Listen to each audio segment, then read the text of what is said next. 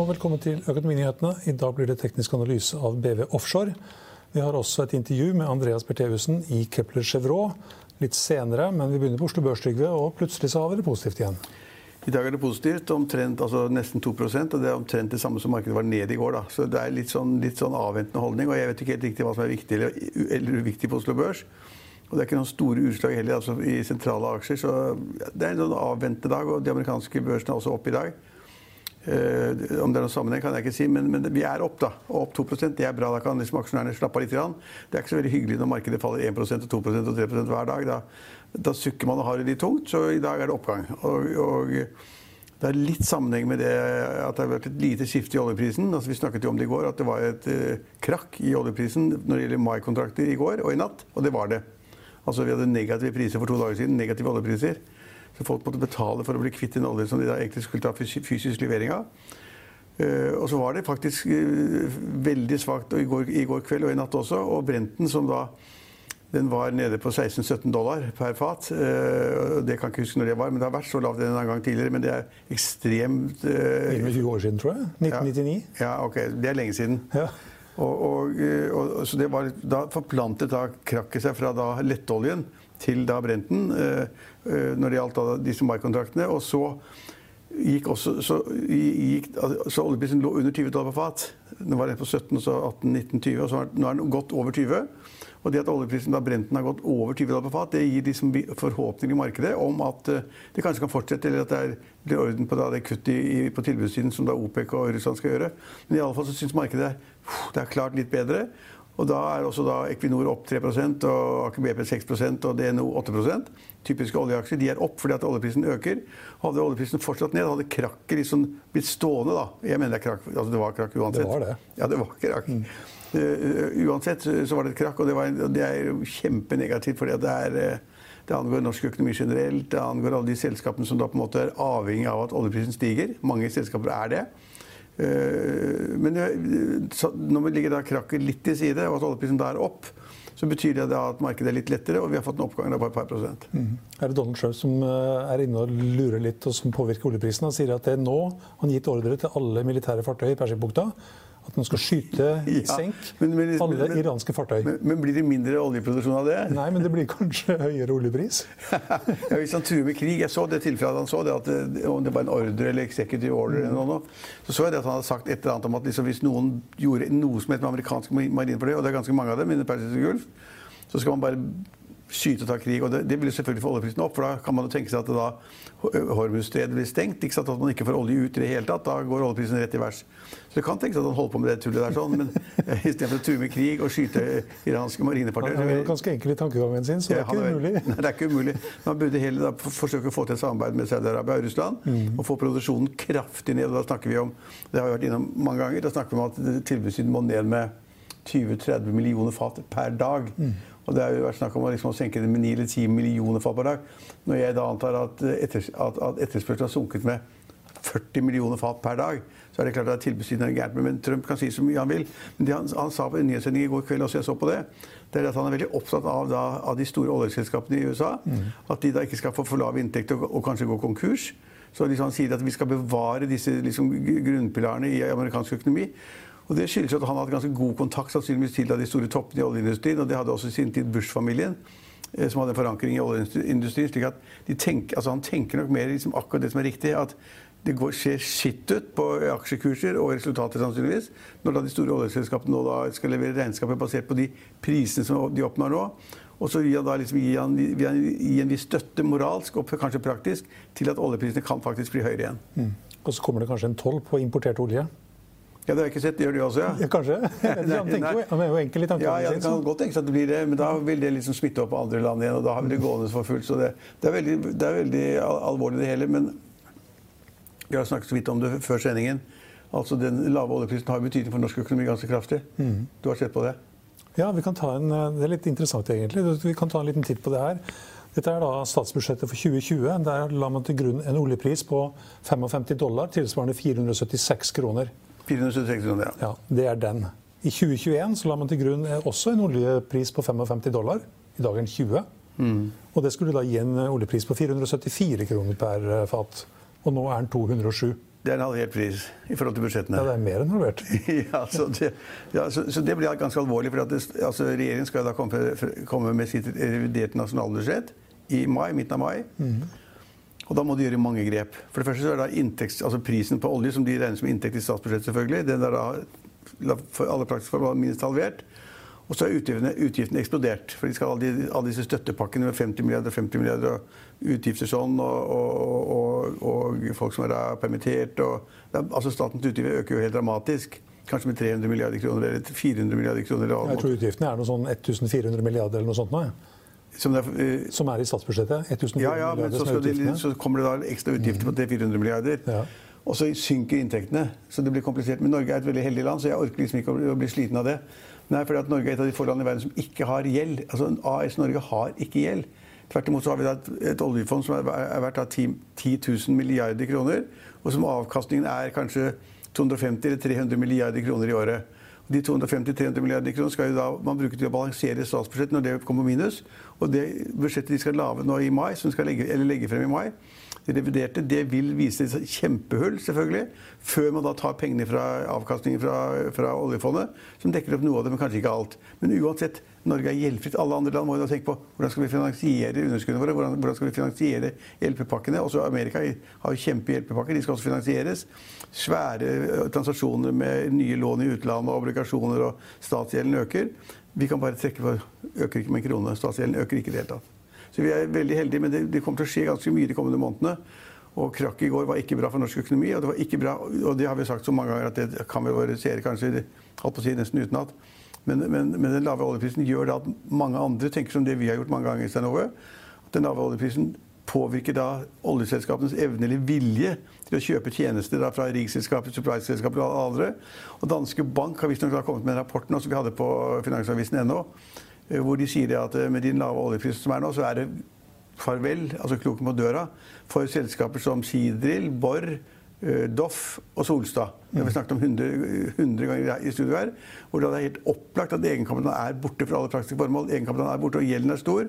Verdiene synker. Det blir ikke noe mer aktivitet, det blir ikke noe høyere rater fordi oljeprisen er så lav. Og da sier da Danske Bank Hvis det, var det Danske Bank? Ja, jeg tror det. Ja, de, sa, de sa at disse, disse, selskapene er verdt én krone per aksje. og det, ja, Både Drill, både Borr og Sidri ligger i dag rundt fem kroner. Sitt sitter jeg så på i hvert fall. Og Da sier de at den aksjen skal ned i én krone. Det er det samme som vi har sagt veldig lenge. Og Når egenkapitalen er borte, så skal du ned dit. Kan, og, og, så skjer det veldig sjelden noe ubehagelig som konkurser eller ingenting. For de, de avvikler jo heller ikke selskapene. Så bankene som har lånt penger til dem, obligasjonseierne, de krever bare at en del av gjelden skal konverteres til aksjer. Og så blir det milliarder av nye aksjer, og så blir verdiene på de eksisterende aksjene enda lavere. Eh, det er det som kommer til å skje. Men altså når da når da Danske Bank sier i en sånn offisiell rapport altså tross alt litt mer mm. ja, ikke, er ikke seriøse enn oss, men liksom, de litt mer forsiktige enn oss. da. Vi har sagt det veldig lenge at egenkapitalen i de selskapene er for alle praktiske formål ned i null. Og da er én krone også kanskje en høy kurs. Mm. Og Jon Olaisen, analytiker som var intervjua på morgensendingen vår i dag, de har gått gjennom 30 selskaper innenfor sektoren og tror at ti av dem forsvinner. Ja.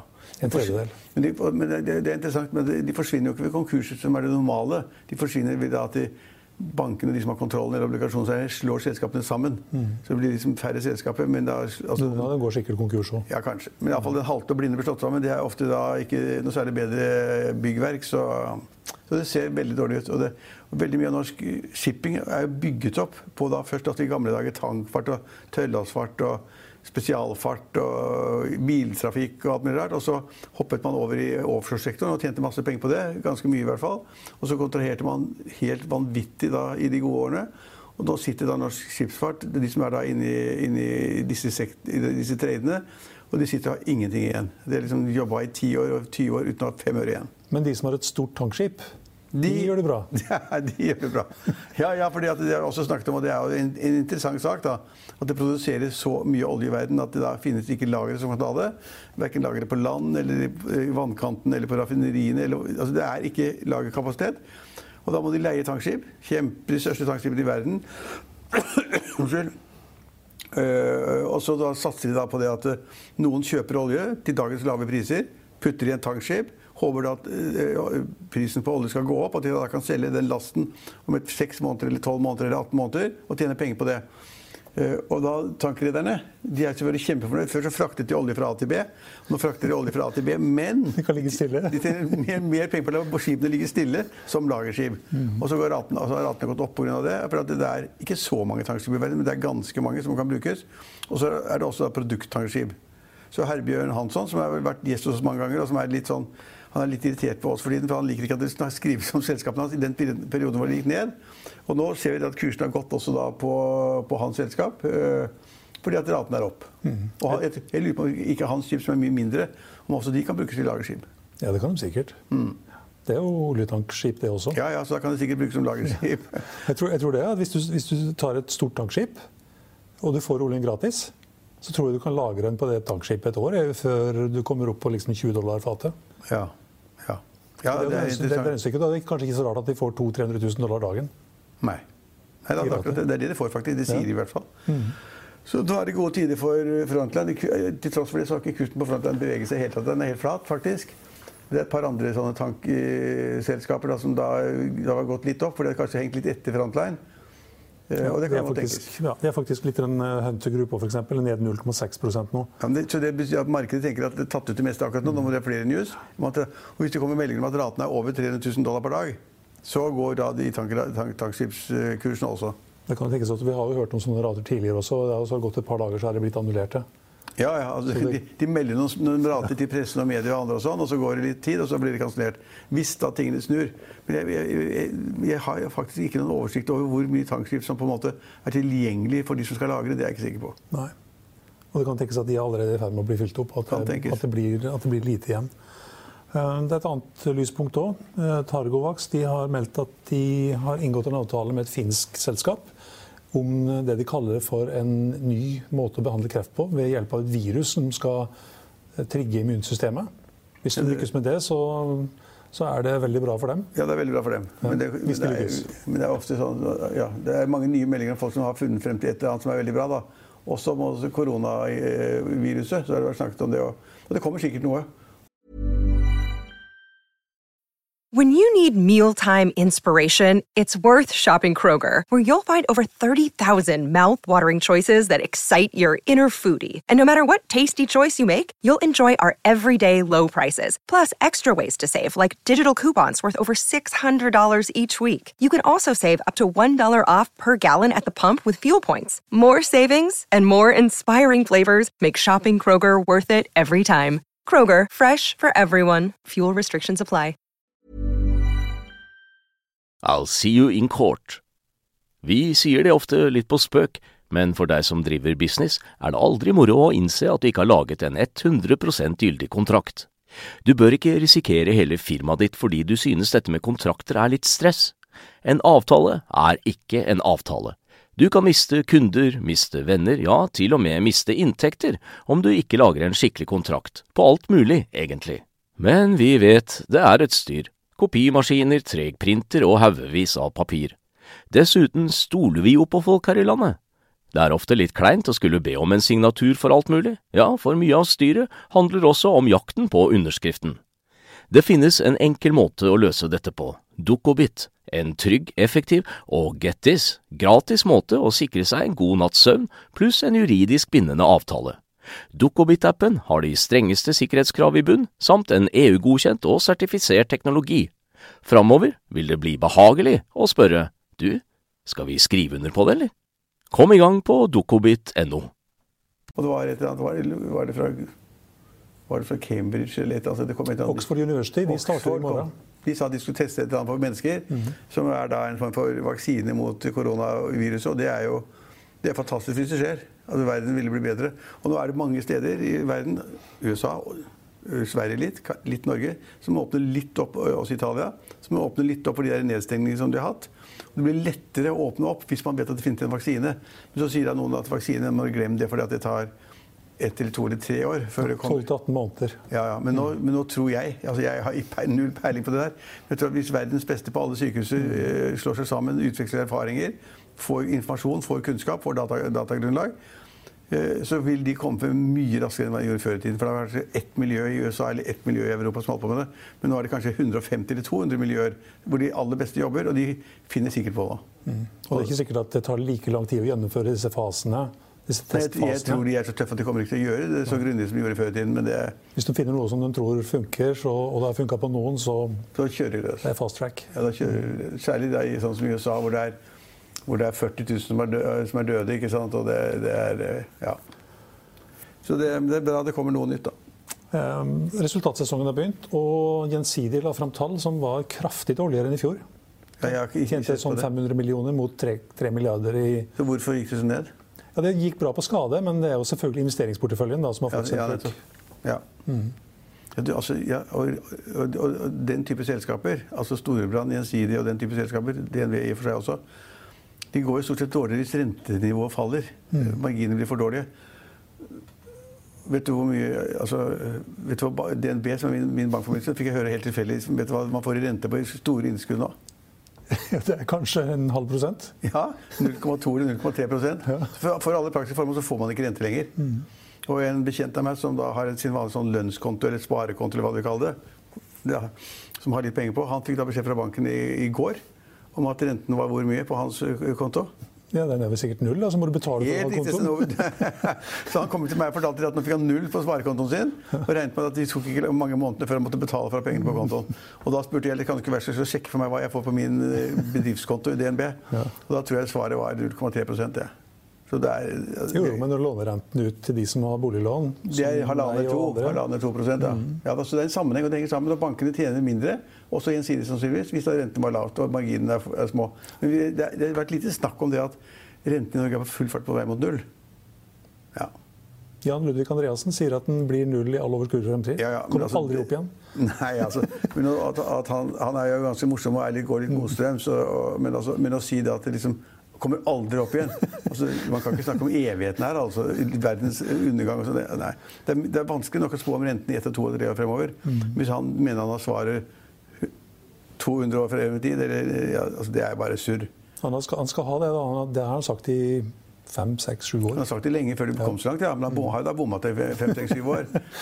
Så nå har han rett at renten er lave, og det kommer til å være lave lenge. Og det er klart at i verden på tomgang og verden låst ned Fly går ikke, folk reiser ikke, folk har ikke, har ikke restauranter, de har ikke ja, Nå er frisørene de skal åpne i Norge, da, men altså, alt har vært stengt ned. Det vil si at BNP-resultatene i fremover ikke vil være 2-3-4-5% i pluss, men kanskje BNP synker med 5-6% i året, eller 10% i året. Så det er jo katastrofe. Og det er klart at da, For å få da verden i gang igjen, så må da alle sentralbanker verden over sørge for at det kommer penger ut i markedet ved sånne likviditetsoperasjoner, eller sette renten lavt, slik at renten nærmer seg null for å få aktiviteten i gang.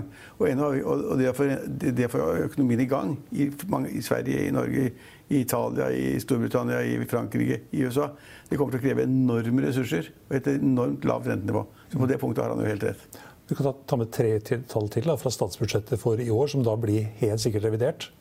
Det er BNP-veksten for Fastlands-Norge 2,5% Ja, det blir jo ikke det. Det blir minus. AKU-ledighet på 3,4% og registrert ledighet på 2,1. Ja, AKU-ledighet blir jo da Hva var den på den på? Ja, 3,4 er det som er i ja, ja. budsjettet. Ja, men det blir 10 eller noe eller verre enn det. Og de registrerte ledige, som da da koronagreiene begynte, så tror jeg den, den registrerte ledigheten var, må du bare hjelpe meg, var 3,8 ja. Mm. Så det var liksom Det var ledighet, men det var en lav ledighet internasjonalt. Og den vil jo sprette i takt i et eller annet sted mellom 10 og 15% alt. Så det statsbudsjettet de sitter og jobber med nå, det er katastrofegreier. Men allikevel så er Norge ganske rikt, og det er et, et lite poeng, og det er at med den permitteringsordningen vi har i Norge, så får alle penger. Eh, Først får du full lønn den første måneden, de første 20 dagene. Og så får de da 62% av lønn opp til, eh, opp til eh, 6, 6G. er vel? 6G. Det blir, ja, det blir 600 000 ca. Det vil si at alle i Norge er sikret i en eller annen form for lønn. Hvis de har hatt inntekt før og, har, og kan få penger fra Nav. Er, jeg vet ikke om noe annet land jeg, som gir alle innbyggerne et så, såpass stort sikkerhetsnett. Så vi har det ganske bra relativt sett. da. Så det er sikkert mange som klager og mister penger, og de skal har, har lån som betjenes. og de, det, det er mange ting man har utgifter til. Kjøpt ting og kjøpt bolig og greier. Eh, Men vi har det relativt sett bedre enn de fleste, for alle får da den eh, permitteringsordningen. Og nå, Den permitteringsordningen som vi har, som er veldig romslig, og som hvor staten tar inntektene, den, da, den har vært inntil nå 26 uker. Og så kom LO i går eller foregårs og sa de at de foreslår at den skal utvides til 52 uker. Mm. Det vil selvfølgelig regjeringen følge. De går ikke imot det. Nei. Så alt sagt så er det på en måte relativt bra. Og så er det da i dag også aksjemarkedet litt opp. Da kan alle være litt fornøyd. Det er bra. Noen lyspunkter. Noen lyspunkter. Vi kan også ta med at eh, Acetec, som hadde en nedgang på 19% på topplinjen, de opprettholder guidingen for hele 2020. og Det bidrar også til at den aksjen er eh, opp, i hvert fall på, på vinnerlista. I Finansavisen i morgen kan du lese Trygve Egners leder om at ansettelsen av Nicolai Tangen som ny oljefondsjef blir komiserie. Bank of America tror gullprisen kan knuse tidligere all time high, og selskapet som selger maling som aldri før, kan også lese om. Det var det vi hadde for i dag, men vi er tilbake igjen i morgen klokken 10 og klokken 15.30. Følg med oss igjen da.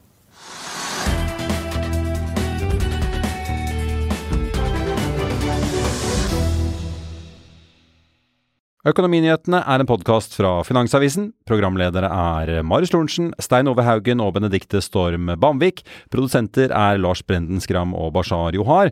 Og ansvarlig redaktør er Trygve Hegnar.